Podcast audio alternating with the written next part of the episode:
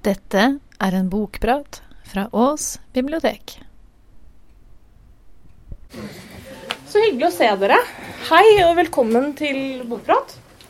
Jeg heter Karine, og i dag så skal jeg prate om en bok som heter 'Blybryllup' av Sara Paborn. Uh, og når jeg satt og skulle, skulle forberede meg litt eh, og leste noen anmeldelser og sånn i etterkant av at jeg hadde lest den boka her, så så jeg flere som omtalte den som en feel good-roman. Eh, og jeg stussa litt. For, for det første Hæ? Hadde jeg lest en feel good-roman? Eh, jeg, jeg, trekkes veldig veldig sjelden mot disse her eh, Det som jeg forbinder med, med, med feelgood-roman, disse her løkkeskriftbøkene med damer bakfra i en blomstereng som lover liksom eh, mysterier rundt gamle brev fra andre verdenskrig og sånn. Det er ikke, ikke ikke det jeg leser, hvis jeg kan, eh, kan velge. Så um, Det var den ene grunnen til at jeg stussa litt. Og den andre det var det at um, den uh, handler om en dame som forgifter mannen sin. Og det slo meg heller ikke som en sånn feel good-handling. Uh, For det tredje så ser den ikke sånn veldig feel good ut heller. Men jeg burde vel kanskje, kanskje ha lukta lunta når jeg så at det er gullstempelet på forsida som proklamerer at nå er det lesetid. Jeg vet ikke med dere, men for meg så er det stort sett lesetid. Uansett om jeg sitter med en bok i hånda, uansett om den er stempla med gull eller ikke. Ehm, men nok om det. Eh, den Blybryllup den handler om en dame som heter Irene. Og hun er bibliotekar. Uh, og det var det mer enn noe annet tror jeg, som fikk meg til å plukke opp uh, den her. For jeg ble litt sånn oh, bibliotekar. Det er jo ikke så veldig ofte at vi får lov å, å opptre som hovedpersoner i en, uh, i en roman. Så det syns jeg var litt spennende. men utover det at vi deler, deler yrke, jeg og Irene, så er ikke livene våre så veldig like. heldigvis for meg, får vi si. For Irene hun jobber på biblioteket i en liten by. Og hun har vært gift med kabeltrekkeren Horst i 39 år. Uh, og um, de det er, det, er det, det, er ikke det, at For, er, er at Horst er slem. Han er ikke voldelig, og det er liksom ikke noe um, Ikke noe e egentlig dramatikk som får um, Irene til å ville ta livet av denne mannen. Uh, samlivet deres preges veldig mye av rutinene. Um, som en kanskje kan forvente seg når to mennesker har levd sammen så, så lenge som det de uh, har. Men det blir fort veldig veldig tydelig at Irene og Horst de er to vidt forskjellige personligheter. Horst han er praktisk inn til margen. Uh, han har veldig lite til uh, skal jeg si, indre liv. Han ser virkelig ikke noe poeng i eh, bøker, i litteratur, i godt språk, ikke i å drømme seg bort eller kunne sette seg inn i å leve eller leve et uh, liv inni seg selv. Uh, og Irene er helt i den andre enden av skalaen. og det, uh, Hun har et rikt indre liv. Hun setter stor pris på litteratur, naturlig nok. Hun elsker å, å, å, drømme seg bort, og du får veldig følelsen av at det er på innsiden hun lever som hun er seg selv, der hun er seg selv. Og sånn kunne det helt sikkert ha fortsatt. Det er um, den, den, forskjellen i personlighet som du ser i, i begynnelsen av eh, boka, eller gjennom hele boka, egentlig har jo vært der i mange år. Eh, og kunne sikkert den Dette her som gnager i forholdet mellom dem. Det kunne sikkert ha fortsatt eh, å gnage i mange år til. Eh, men så en dag så skjer det noe som får Irene til å bestemme seg for at nå Nok er nok. Himmelen var blitt rosa da jeg syklet hjemover den kvelden. Det var en, en skumringsnyanse som bare viser seg tidlig på høsten. Som en svak gjenklang av sensommerens flammende solnedganger. Byen lå nesten øde, selv om klokken bare var halv sju. Alt folkeliv hadde forflyttet seg ut til det nye kjøpesenteret rett utenfor byen, og forvandlet den gamle bykjernen til en ødslig kulisse. Alle små nyttebedrifter som skreddere, skomakere og sysak- og garnbutikker var blitt stengt, mens den ene kolossen etter den andre med hjemmeelektronikk og sportsklær åpnet borte i de nye såkalte handlestrøkene. Rådhustårnets jernspir reiste seg svart mot himmelen. Under meg skinte den smale, brolagte gaten. Jeg syklet forbi banken og den gamle kinoen og fortsatte mot de forhenværende Luksdalene.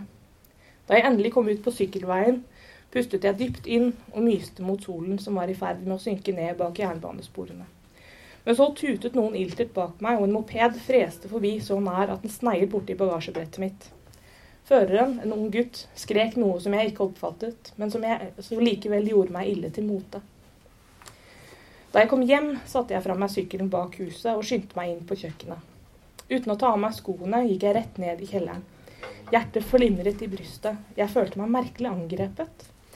Jeg slo på vannkokeren og tok fram koppen og en pose beroligende te. Kanskje jeg kunne gjøre i stand en bokhylle til. Jeg hengte kåpen over kurvstolen, brettet opp ermene og gjorde meg klar til å gå bort til pappeskene med bøker. Da så jeg det. Eskene var borte. Søkk borte. Akkurat der de hadde stått, sto det nå fire sekker sement i stedet. Jeg skjønte straks hva som hadde hendt. Horst hadde kastet bøkene mine. Til slutt hadde han altså fått nok av det han kalte min private papirinnsamling. Mens jeg sto der, sønderknust og rasende på samme tid, falt blikket mitt på den støvete gamle kisten innerst i det ene hjørnet. Den var en arv fra barndomshjemmet mitt. Jeg kunne ikke huske hva som lå i den, det var en evighet siden jeg hadde sett i den. Jeg gikk bort og åpnet lokket. I kisten lå et par gamle gardiner som jeg hadde fått av moren min, men aldri hatt bruk for. Fantasifulle i kretong med påfugler. Hun hadde selv syntes de var for fine til at de kunne brukes, og så hadde de blitt liggende i stedet. Under de pent sammenbrettede gardinene lå en skoeske med brune papirposer merket med teksten 'syartikler'. Jeg åpnet en pose. Først forsto jeg ikke hva som lå i den. Jeg stakk hånden nedi og tok opp en tung, hvit snor. Det var et blybånd, sånne som man før i tiden sydde inn i gardinfallen for å få pent fall i stoffet. Blyloddene kjentes ut som mauregg gjennom det hvite stoffet. På baksiden av posen sto det en advarsel. Bly er helseskadelig. Oppbevares utilgjengelig for barn. Skoesken inneholdt minst 50 poser. Det var ren flaks at ikke barna eller barnebarna hadde åpnet den. Det kunne endt med forferdelse. Blyforgiftning, parentes, saturnisme. Av alle forgiftninger er blyforgiftning den vanligste. Blyforgiftning rammer personer som i sitt yrke kommer i berøring med blypreparater, f.eks. settere, typestøpere, glaserere, blikkenslagere med flere. Symptomene kommer snikende. Sykdommen viser seg ved avmagring, tørr og blek hud, brekninger, magesmerter, tørste, nedsatt appetitt, metallsmak i munnen, blågrå farge på tannkjøttets rand, skjelvinger og delirium. Psykologiske virkninger som personlighetsforandringer og svekket hukommelse er også registrert. Akutt blyforgiftning skjer ofte ved at blysukker, som er hvitt, forveksles med vanlig sukker. I alvorlige tilfeller fører forgiftningen til død. Fra Svensk oppslagsbok 1936. Bly var altså livsfarlig, men på hvilken måte? Jeg hadde et oppslagsverk i hyllen det var et av de første kasserte verkene jeg hadde tatt med hjem fra biblioteket. Mest fordi utgaven var så fin. I kalveskinn og med pregede bokstaver på ryggen. Mens jeg lot teen trekke, fant jeg fram bindene med bokstaven B. Sidene var glatte og prydet med fotografier i svart-hvitt. Jeg slo opp ordet bly og lot fingeren gli ned til blyforgiftning. Det var fascinerende lesning. Ved siden av et falmet fotografi av en romersk fontene sto det skrevet Blyforgiftninger var svært vanlige i antikkens Roma. Intetanende om stoffets skadelighet tilsatte man bly i vinen for å gjøre den søtere og mer holdbar. Også vannledningene i byen var av bly. Enkelte mener at blyet faktisk var årsaken til hele Romerrikets fall. Ovenfra hørte jeg de dumpe bassgangene fra Horsts stereoanlegg. Lyden forplantet seg gjennom rørene og veggene og kulminerte i bokhyllen der bøkene vibrerte urolig mot hverandre. Snart skulle det spilles musikk på biblioteket også. Ikke en eneste krok ville være stille. Jeg drakk en slurk te, bladde videre i boken og festet meg ved et fotografi av en arsenikkbit som var plassert under en glasskuppel. Overflaten var spraglet og skimrende. Hvit og sitrongul arsenikk var tydeligvis et velkjent hårfjerningsmiddel blant kvinner før i tiden. I fordums tid hadde husmødrene også laget en blanding av arsenikkmineral, finknust aske og smeltet sand som de brukte til å stive finere lintøy, sto det. Det giftige halvmetallet antimon var blandet i maskara for å gi et hypnotisk blikk, mens etsende kalk raust ble brukt i skyllevannet for å gjøre vasken hvit. Kvinner hadde med andre ord dødd av giftige i husholdningen i tusenvis av år. Jeg skiftet nervøst stilling i kurvstolen og så plutselig at det blinket i noe på gulvet. Jeg bøyde meg ned. Det var en trevlet stykke av en bokrygg som hadde falt av. En eneste remse. Det var alt som var igjen av eskene mine. Jeg la den mellom sidene som bokmerke, akkurat på stedet som handlet om blyforgiftning.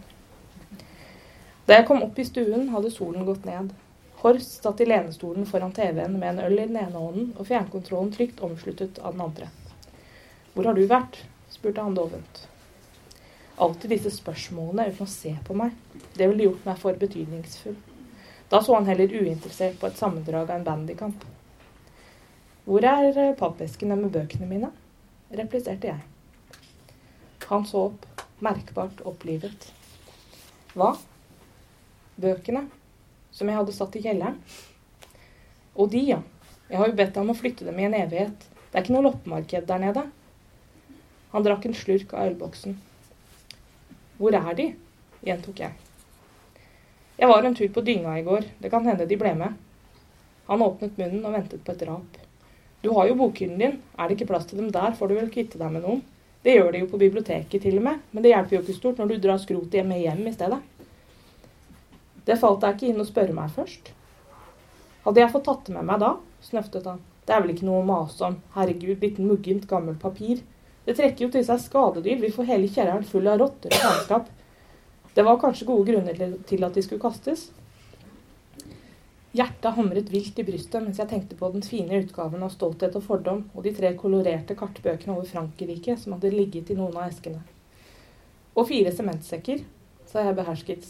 De er veldig viktige, går jeg ut fra. Hva skal du bruke dem til, hvis det er lov å spørre? Jeg har fått dem gratis. De koster 200 kroner sekken, skal jeg si deg. Sement er ikke gratis, nei. Horst førte pekefingeren makelig over fjernkontrollen og skrudde opp lyden. Jeg sto og så på det høy høyrøde, forurettede ansiktet hans i skjæret fra TV-en en stund. Så gikk jeg stille ut på kjøkkenet. Ved ytterdøren sto esken med blyloddene. Jeg hadde båret den opp fra kjelleren for å huske å ta den med på miljøstasjonen. Der var det en egen avdeling for farlig avfall. Og plutselig kom ideen. Ikke klar og tydelig, men ubemerkelig glidende. Uten å tenne lyset gikk jeg bort og åpnet vinduet på vid vegg. Det var bare september, men allerede et iskaldt drag i luften. Neste morgen syklet jeg tidlig av gårde til biblioteket, før det var kommet noen andre dit. Noen sigarettstumper og litt sammenkrøllet tyggegummipapir lå som vanlig i innkastet for tilbakeleverte bøker. Jeg gadd ikke fjerne det som jeg pleide. I stedet gikk jeg rett bort til seksjonen for naturvitenskapelige fag. Bak en liten skrivepult med innfelt belysning lå hyllen for kjemi. Jeg hadde egentlig ikke festet meg særlig ved den før. Det var bare et sted jeg pleide å henvise kvisete videregående-elever til. Håndbok i toksikologi. Den store kjemihåndboken metallurgi, om gifter, kjemi for nybegynnere. Jeg tok med meg så mange bøker jeg kunne bære, og lukket meg inne på kontoret mitt. Jeg hadde aldri vært god i kjemi på skolen. Jeg trodde ikke jeg hadde anlegg for naturvitenskapelige fag. Senere, da jeg leste meg opp på matematikk en sommer, fikk jeg best karakter i hele klassen. Det var ikke hodet mitt det var noe veien med. Det var selve innstillingen til at jeg ikke klarte det. Kjemien husket jeg egentlig bare fordi en i klassen hadde stjålet en bit natrium og sluppet den ned i klosettet. Da hadde jeg vært livredd. Nå syntes jeg faget virket veldig spennende. Naturen er full av dødelige gifter. Forstoppelse, febersykdom og åndenød kan ofte være et tragisk og sørgelig skue. Men de giftigste stoffene er ikke sjelden vakre av naturen. Det blå mineralet lapis lazuli og den sjeldne grønne lapis armeneus er begge sterkt etsende. Diamanten med sine meget skarpe spisser ødelegger i sin tur tarmkanalen gjennom langvarig nedslitning. Langvarig nedslitning. Det var noe jeg visste en hel del om.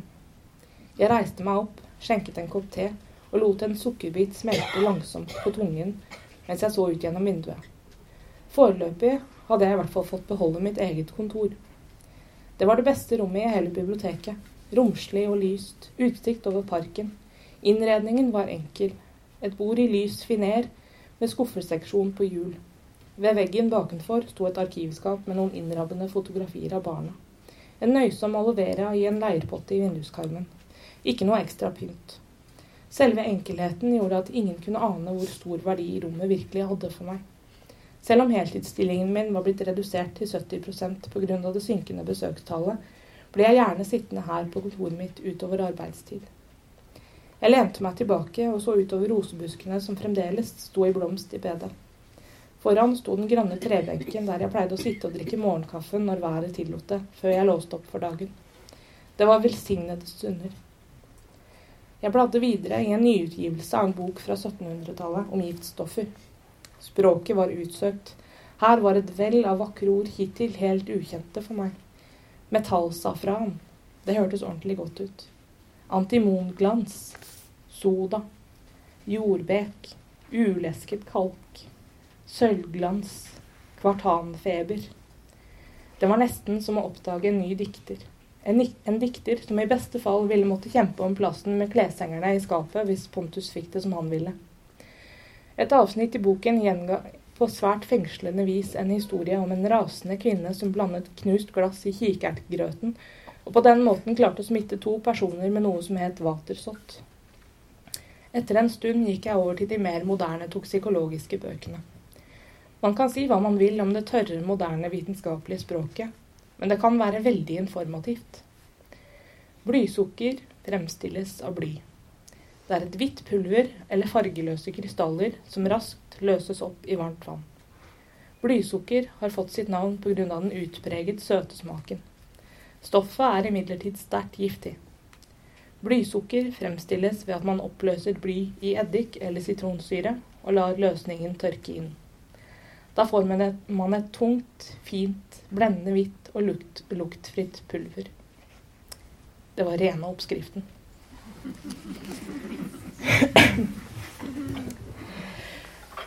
Ja. Um, det skjer en, en, stor forandring i, um, i, Irene når hun nå da lager seg dette, her, dette prosjektet, hvis jeg kan kalle det det. Dette her med å finne ut Hun leser tall på kjemi, og hun finner ut hun, hvilke stoffer hun må ha tak i, og hvordan hun skal gjøre alt dette her for å fremstille her, dette her blyet, da, dette blysukkeret. Um, og mens jeg leste, så lurte jeg en stund veldig på om hun faktisk kom til å, å, å gjøre det, altså begynne å forgifte uh, mannen sin. Um, fordi på et tidspunkt så tenker hun at um, kanskje, kanskje, det er nok. Bare det å, å, å ha dette her i, i bakhånd, det at hun har gjort noe hva skal jeg si, hemmelig som Horst ikke vet om, bare å vite at hun kunne hvis hun ville. Um, men så gjør hun det. Så begynner hun, og han stakkars Horst får eh, blysukker i kaffen istedenfor vanlig sukker. Um, men da satt jeg også og, og lurte på om om hun, virkelig kom til å fortsette. Fordi at um, det, blir veldig, det blir tydelig etter hvert at det er jo ikke bare elendighet, dette her. De har jo de har levd sammen i nesten 40 år, og det er jo de, Det er fortsatt ting ved Horst som hun setter pris på. Og det er ting ved henne som han setter pris på. Men han er ikke så veldig god til å uttrykke det. Uh, men i de stundene som han gir uttrykk for at han setter pris på henne, så, så vurderer hun å, å oppgi hele uh, prosjektet. Uh, og boka hopper også litt i tid. Eller den hopper mellom nåtid og, og fortid for, eh, for, Irenes del. Så du får både se det som skjer nå, da, etter, etter et 39 år langt ekteskap, og det som skjedde helt i begynnelsen, når de traff hverandre og, eh, og, og ble sammen. Så det er eh, Det tar lang tid å bli forgifte noen. Når du prøver å, å ikke vekke oppsikt. Så det skjer ting både med Irene som person og i, i miljøet og i, i, verden rundt henne, som hun da sikkert ikke hadde sett for seg eller regna med. Så Og jeg er jo ikke noe glad i å, å røpe slutten for dere, så jeg skal ikke um, røpe hvorvidt Horst faktisk ender opp med å stryke med av blyforgiftning eller ikke. Jeg syns den hadde et veldig behagelig språk, den boka her. Den gikk, jeg vil ikke kalle den for lettlest nødvendigvis, men jeg, øh, men jeg, brukte ikke veldig lang tid på å lese den. Det fløt veldig, språket fløt veldig øh, godt. Uh, det var veldig fint å lese. Og det, den er også veldig morsom.